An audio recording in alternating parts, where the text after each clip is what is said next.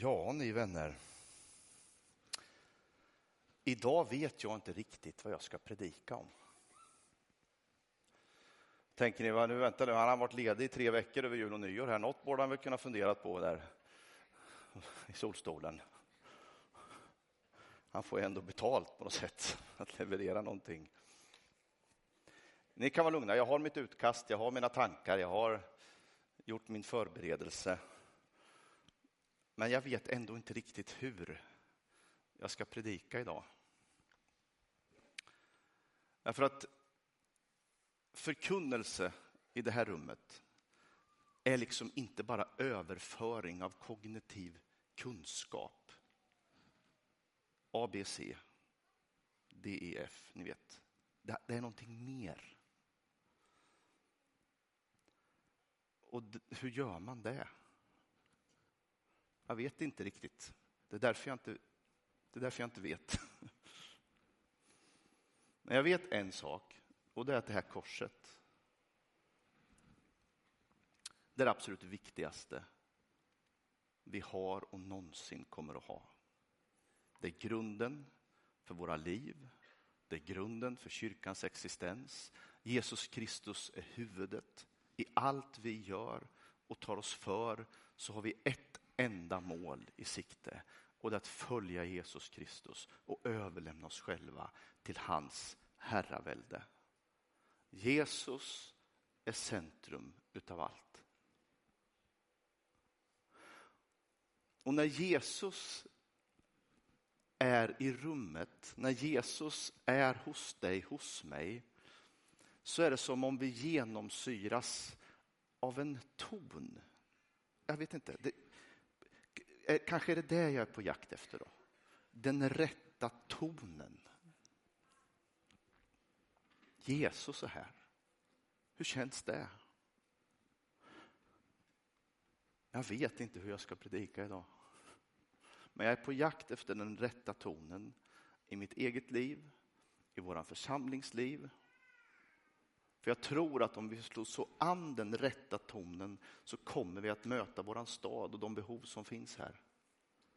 Om Jesus får fritt spelrum så kommer det att väcka en sån attraktion, en sån glädje, en sån känsla av att där vill jag vara. Så vi måste i förkunnelse, i verksamhet, i gemenskap och i våra egna liv så måste vi alltid vara på jakt efter den rätta tonen. Vi har valt att inleda det här året med att eh, stanna upp lite vid de formuleringar som vi har formulerat i vår framtidsbild. Den där kyrkan som vi vill mejsla fram över tid. Och där har vi bland annat skrivit så här. Att när människor ser vår fastighet och tänker på vår församling leds deras tankar till hopp, helhet, omsorg och en genuin tro på Jesus. Är det ens möjligt att bygga en sån gemenskap? Så när människor bara far förbi på Stadiongatan, slänger en blick till vänster eller höger, ser skärmen och någon text och så, ja just ja, där är Pingstkyrkan. Alltså där inne, vilken kraft. Där inne, jag vet att de tror på Jesus. Jag kanske inte gör det, men de gör det, det vet jag. Att, att bara existensen av den här byggnaden skulle leda människor dit i tanke. Och, jag vet inte, hur gör man? Hur kommer man dit?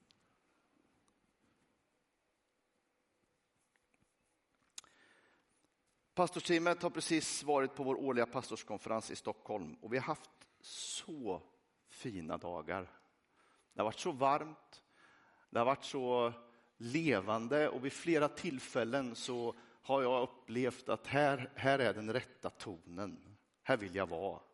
Här vill jag bli kvar. En ung tjej som berörde mig djupt. Hon har gett sitt liv åt det afghanska folket. Jag skulle vilja nämna hennes namn, men jag tror inte att det är lämpligt. Därför att hon eh, gav fyra år av sitt liv i Afghanistan innan talibanerna tog över. Och då blev hon tvungen att flytta därifrån. Idag jobbar hon med exiltalibaner i Grekland. Hon kunde flytta Men hennes kristna vänner blev kvar. Så visar hon oss några bilder på en afghansk kvinnas händer. Tillfångatagen, torterad, hånad och förlöjligad så hade talibanerna på hennes vänstra handflata sytt fast ett litet träkors och hånat henne och skrivit nu kan din Gud inte hjälpa dig.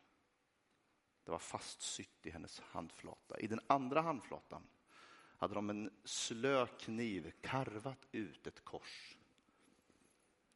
För att hon alltid skulle vara, som de trodde, märkt med en skammens symbol. Varenda gång hon skulle ta emot pengar, varenda gång hon skulle hälsa så skulle folk veta.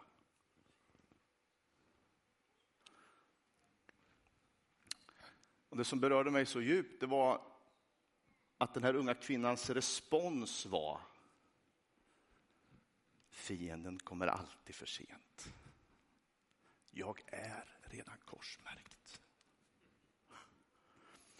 Om jag så än skulle bli dödad så kommer fienden alltid för sent, för jag har redan dött med Kristus. Och så tänker jag för mig själv, mm, hur viktig är Jesus för dig idag, Andreas? Hur djupt sitter korsets märke i ditt inre? Hur viktigt är det?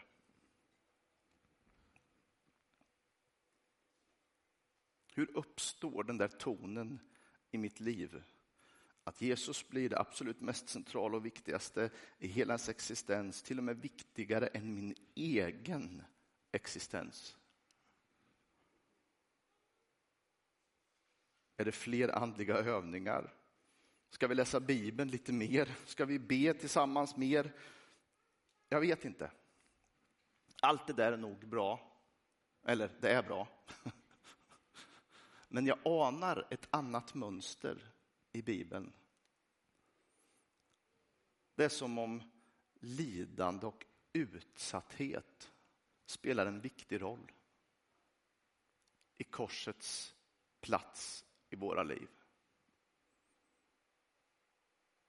Det är som att ju mer vi lider, desto närmare klamrar vi hans kors. Så mer vi försakar eller tvingas försaka, desto viktigare blir hans kors och hans frälsningsverk. Men vi föraktar ju svaghet, eller hur? Vi skäms för vår oförmåga. Men Kristusvägen verkar vara en annan väg. Idag vill jag läsa två lite längre texter, en från Paulus penna och en från evangelisten Lukas som skildrar ett möte mellan Jesus och en utsatt kvinna. Jag har funderat på i vilken ordning jag ska läsa de här texterna. Men eftersom jag inte riktigt vet hur jag ska predika så vet jag inte riktigt vilken ordning jag ska ta dem i. Så det fick bli Paulus först. Och vi läser ifrån första Korintierbrevet 8, 18 versen och hela vägen fram till andra kapitlets femte vers. Det står så här. Talet om korset är en dårskap för dem som går förlorade. Men för oss som räddas är det en gudskraft. Det står skrivet, jag ska göra slut på de visas vishet och de förståndigas förstånd ska jag utplåna. Var finns nu de visa? De skriftlärda och denna världens kloka huvuden. Har inte Gud gjort världens vishet till dårskap? Ty eftersom världen omgiven av Guds vishet inte lärde känna Gud genom visheten så beslöt Gud att genom dårskapen i förkunnelsen rädda dem som tror. Judarna begär tecken och grekerna söker vishet, men vi förkunnar en Kristus som är Guds kraft och Guds vishet. Guds dårskap är visare än människorna och Guds svaghet är starkare än människorna. Bröder, tänk på när ni blev kallade. Inte många var visa i världslig mening, inte många var mäktiga, inte många förnäma. Men det som är dåraktigt för världen utvalde Gud för att låta de visa stå där med skam. Och det som är svagt i världen utvalde Gud för att låta det starka stå där med skam. Och det som världen ser ner på, det som ringaktas, ja som inte finns till, just det utvalde Gud för att göra slut på det som finns till. Så att ingen människa skulle kunna vara stolt inför Gud, för genom honom finns ni i Kristus Jesus som har blivit vår vishet från Gud, vår rättfärdighet, vår helighet och vår frihet. Som det står skrivet, den stolte ska ha sin stolthet i Herren. När jag kom till er bröder så var det inte med förkrossande vältalighet och med vishet jag förkunnade Guds hemlighet för er. Det enda jag ville veta av när jag var hos er, det var Jesus Kristus, den korsfäste Kristus. Jag var svag och rädd och full av ängslan när jag uppträdde inför er. Mitt tal och min förkunnelse övertygade inte med vishet, utan bevisade med ande och kraft. Er tro skulle inte vila på mänsklig vishet, utan på Guds kraft. Herre, välsigna ditt ord idag, Herre. Tala till oss, vägled oss, hjälp oss. Kom till vår räddning, kom till vår närhet, jag ber i Jesu namn. Amen, amen, amen. Egentligen så behövs den där texten inte kommenteras särskilt mycket, men jag skulle ändå vilja stanna upp i två saker.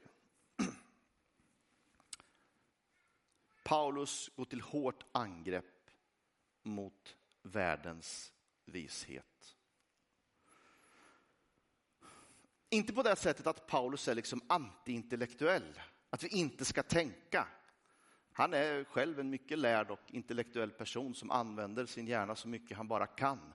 Men han säger en sak och han säger att världens vishet kommer till korta när du ska stå inför Gud en dag ditt eviga väl. Du kommer inte åt de riktiga värdena i livet. Livets verkliga grund når du inte genom mänsklig vishet. Det har liksom smugit sig in ett missförstånd i vår samtid. Många tänker nämligen att det råder motsättning mellan tro och vetande. Mikael Grenholm, eh, en eh, samtida med oss eh, kristen debattör, opinionsbildare, lärare på ALT, han har studerat boken 100 years of Nobel Prizes av Baruch Ashalev och konstaterar att den stora majoriteten av nobelpristagare under 1900-talet är troende. Den största kategorin, 65 procent av nobelpristagarna, säger att de är kristna, tillhör en kyrka. En annan stor grupp är judar. Bara 10 procent av 1900-talets nobelpristagare var ateister eller agnostiker. Så frågan som vi borde ställa oss är alltså inte om man kan vara troende och rationell vetenskapsman. Det verkar man kunna vara. Utan den fråga som borde ställas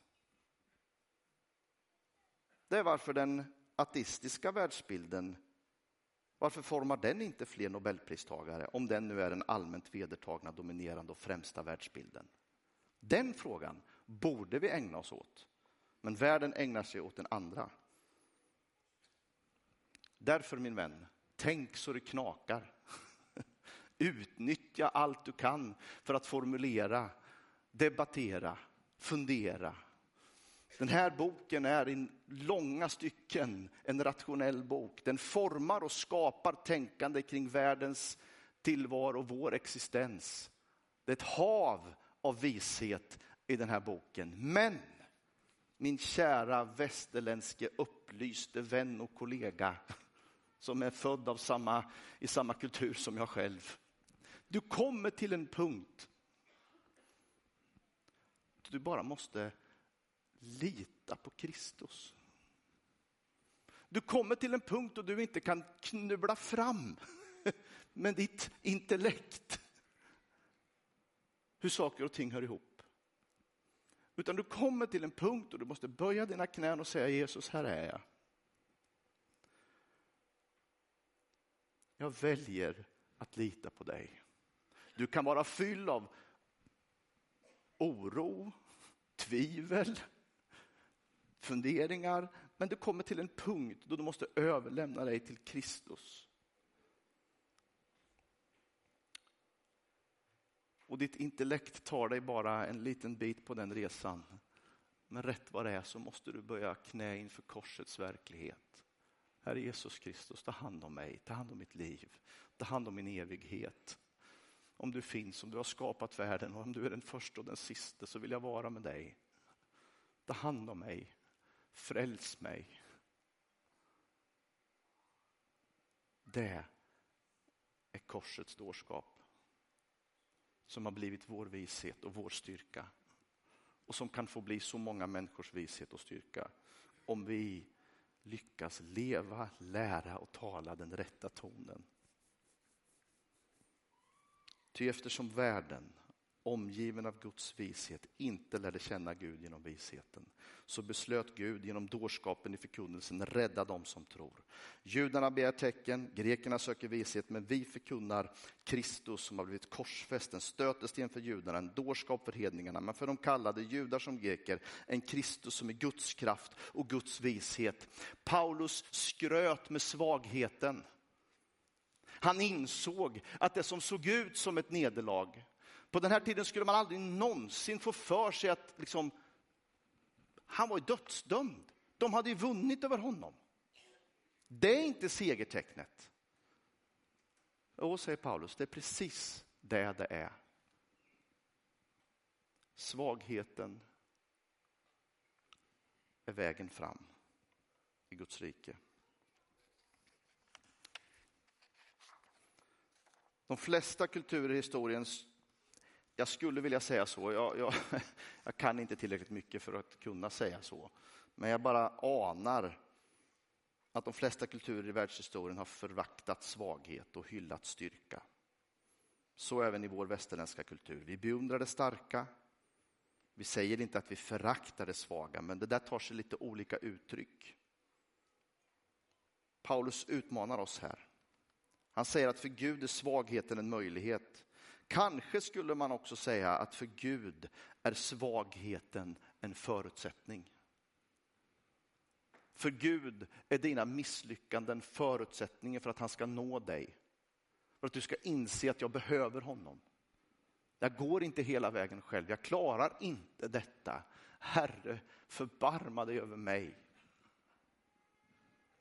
Ödmjukhetens väg. Går vägen till att verkligen bli korsmärkt genom min egen svaghet. Det jag föraktar hos mig själv. Det jag inte vill att världen ska få se eller veta om. Kan det i själva verket vara så att min svaghet är det Gud behöver för att kunna märka mig med sin nåd. Långfredagens synbara fiasko som blir påskdagens triumf, är det det som är korsvägen? Men det som är dåraktigt för världen, det utvalde Gud för att låta dem visa stå där med skam. Och det som är svagt i världen utvalde Gud för att låta det starka stå där med skam. Och det som världen ser ner på, det som ringaktas, ja, som inte finns till, just det utvalde Gud. Och jag nästan lockas av tanken och tänker att tänk om Paulus var med i fariséns hus när den kvinna som alla kallade för synderska fick sin upprättelse. Var han där? Deltog han i samtalet? Såg han? Hörde han? Jag tror inte det. Men han har i alla fall upplevt samma ton. Förkunnar samma evangelium som det som hände när farisén bjöd till middag hemma hos sig och en synderska var närvaro, närvarande där. Och det blir exemplet. Och nu kommer en lång text till som talar om hur det här funkar i praktiken, det Paulus har lärt oss. En av fariseerna bjöd hem honom på en måltid och han gick dit och tog plats vid bordet. Nu fanns det en kvinna i stan som var en synderska. Och när hon fick veta att han låg till bords i farisens hus så kom hon dit med en flaska balsam och ställde sig bakom vid hans fötter och grät. Hon vette hans fötter med sina tårar och torkade dem med sitt hår och han hon kysste hans fötter och smorde dem med sin balsam. Farisén som hade bjudit honom såg det och sa för sig själv, om den där mannen vore en profet så skulle han veta vad det är för sorts kvinna som rört vid honom, en synderska. Då sa Jesus till honom, Simon, jag har något att säga dig. Säg det, mästare, sa han. Två män stod i skuld hos en penningutlånare. Den ene var skyldig 500 denarer, den andra 50. Och när de inte kunde betala efterskänkte han skulden för de båda. Vilken av dem kommer att älska honom mest? Simon svarade, den som fick mest efterskänkt skulle jag tro. Du har rätt, sa Jesus, och vänd mot kvinnan sa han till Simon. Du ser den här kvinnan. Jag kom in i ditt hus och du gav mig inte vatten till mina fötter, men hon har vett mina fötter med sina tårar och torkat dem med sitt hår. Du gav mig ingen välkomstkyss, men hon har kysst mina fötter hela tiden sedan jag kom hit. Du smorde inte mitt huvud med olja, men hon har smort mina fötter med balsam. Därför säger jag dig, hon har fått förlåtelse för sina många synder, ty hon har visat stor kärlek. Den som får litet förlåtet visar liten kärlek.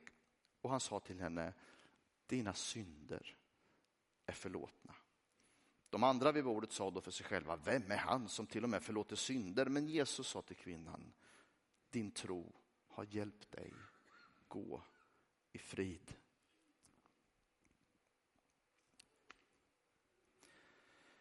Man kan ju undra vad hon gjorde där. Kvinnan som alla identifierade som en synderska, kanske var hon prostituerad. Var hon verkligen inbjuden till farisens fest? Det märkliga i den här historien Eh, är att hon faktiskt var det. För fariseernas hem utgjorde någon sorts allmän utbildningsplats. Eh, det var så att när de bjöd till middag så var hela byn eller staden inbjuden att vara med. Det var så man utbildade folket. liksom.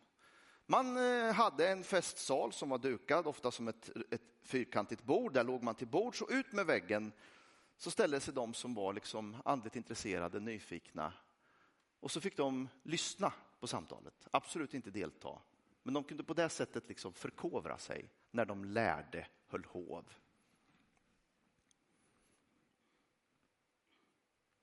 Och så stod hon där då. Hon hade hört talas om att Jesus skulle komma dit. Och hon hade i akt och mening att få smörja hans fötter.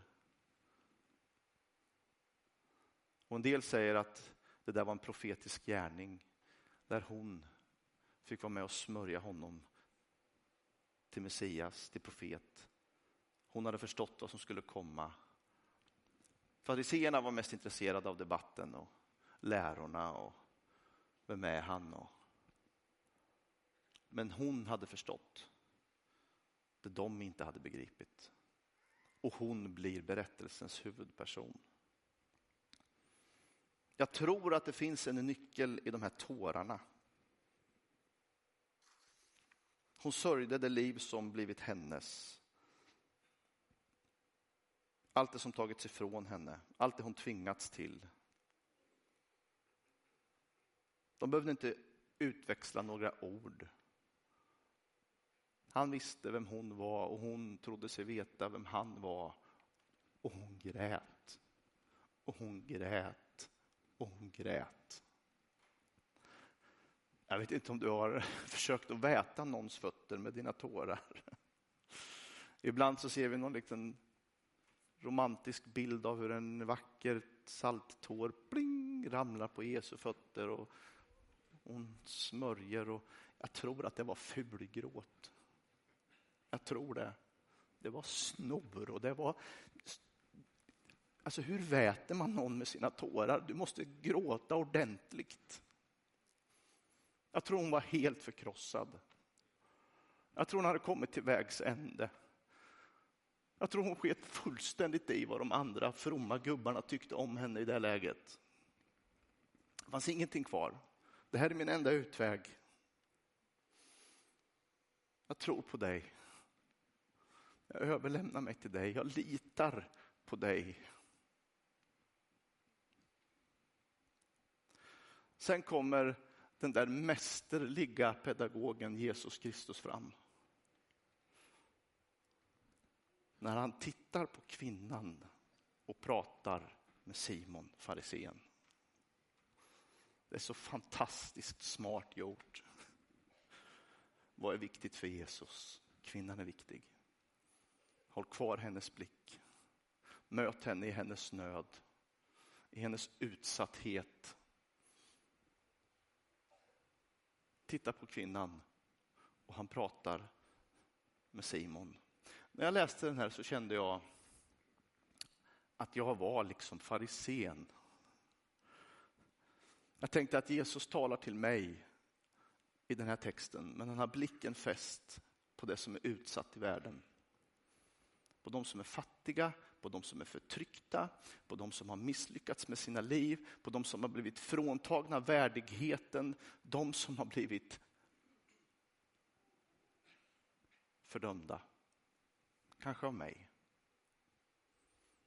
Jesus vill att vi har blicken på det som är förlorat. Men inte den där blicken som säger mm, det är så synd om dig. Eller den där blicken som säger åh, här är någon jag kan hjälpa så att jag mår lite bättre. Ni vet kallet att vara liksom Jesu händer och fötter och hjälpa de fattiga. Jag önskar att vi skulle resa oss upp ur den frestelsen och våga att på riktigt ta det som är svagt och det som är fattigt och det som är utsatt till vårt föredöme, för det har Jesus blicken på. Hon har vett mig med sina tårar, du har inte gjort någonting. Hon har smörjt mig, du har inte smörjt mig. Hon har kysst mina fötter, du har inte, du har inte ens hälsat mig välkommen. Det vill säga det fattiga, det utsatta som har fått del av Jesus Kristus blir exemplet för mig i min efterföljelse. De är i större behov av Kristus än vad jag är. Och därför är de värdefullare för Kristus. Och rätt vad det är så hamnar jag i den platsen, i, den, i det rummet där jag är den som är utsatt. Där jag är den som inte har. Där jag är den som inte klarar. Och då fäster Jesus blicken på mig.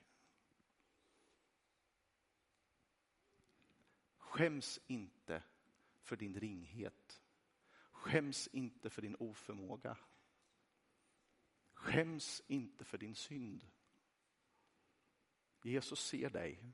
Han älskar dig, han älskar mig och han säger till oss alla.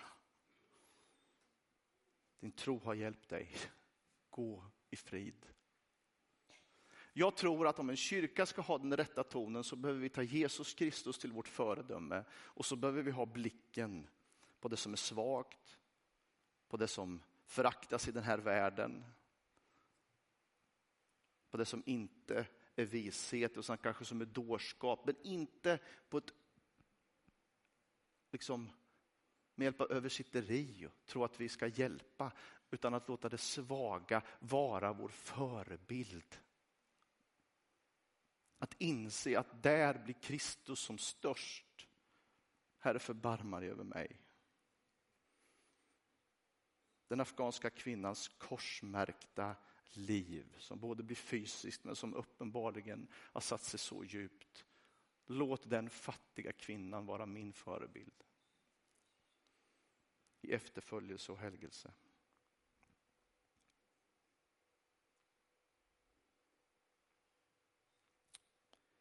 Amen. Amen. Ska vi resa oss upp i hela kyrkan?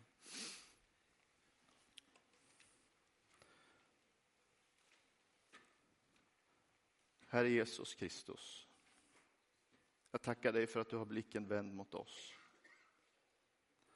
Jag tackar dig för att du har blicken vänd mot all svaghet, mot all utsatthet, mot all nöd, mot all oförmåga, mot alla misslyckanden.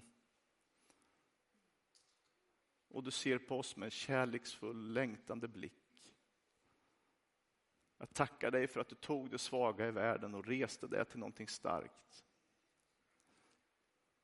Du tog det som ingen annan vill ta i, de minsta, de gjorde du till härskare i ditt rike. Herre Jesus Kristus, hjälp oss att hitta den rätta tonen. Hjälp oss att hitta den rätta tonen i våra egna liv. Inte skryta över vår egen förmåga, framgång eller välgång, utan skryta med vår svaghet. Skryta med det du har gjort i våra liv, Herre Jesus Kristus. Du har fört oss från mörkret till ditt underbara ljus. Hjälp oss att hjälpa varandra på den där vandringen. En del har kommit långt och andra har kommit kort och någon har precis börjat, Herre. Jag tackar dig för att du förvånar oss varje dag, varje stund. Kom och verka i detta rum, jag ber i Jesu namn. Amen. Amen.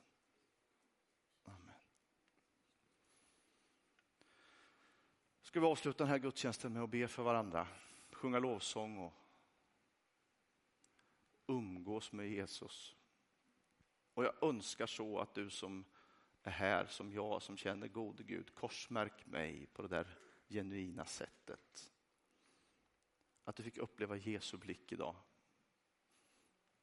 Att Jesus ser på dig, talar in i ditt liv och att du vågar att överlämna dig till honom. Säga jag litar på dig Herre, ta hand om mig.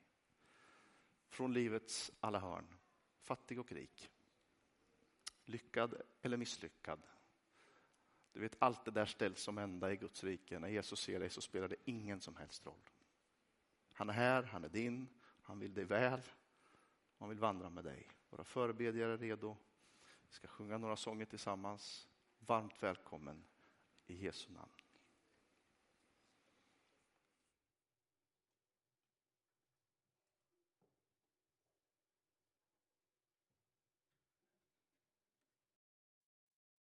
Tack för att du har lyssnat på undervisning från oss i Malmö Pingstförsamling. Så roligt att du tog del av det här.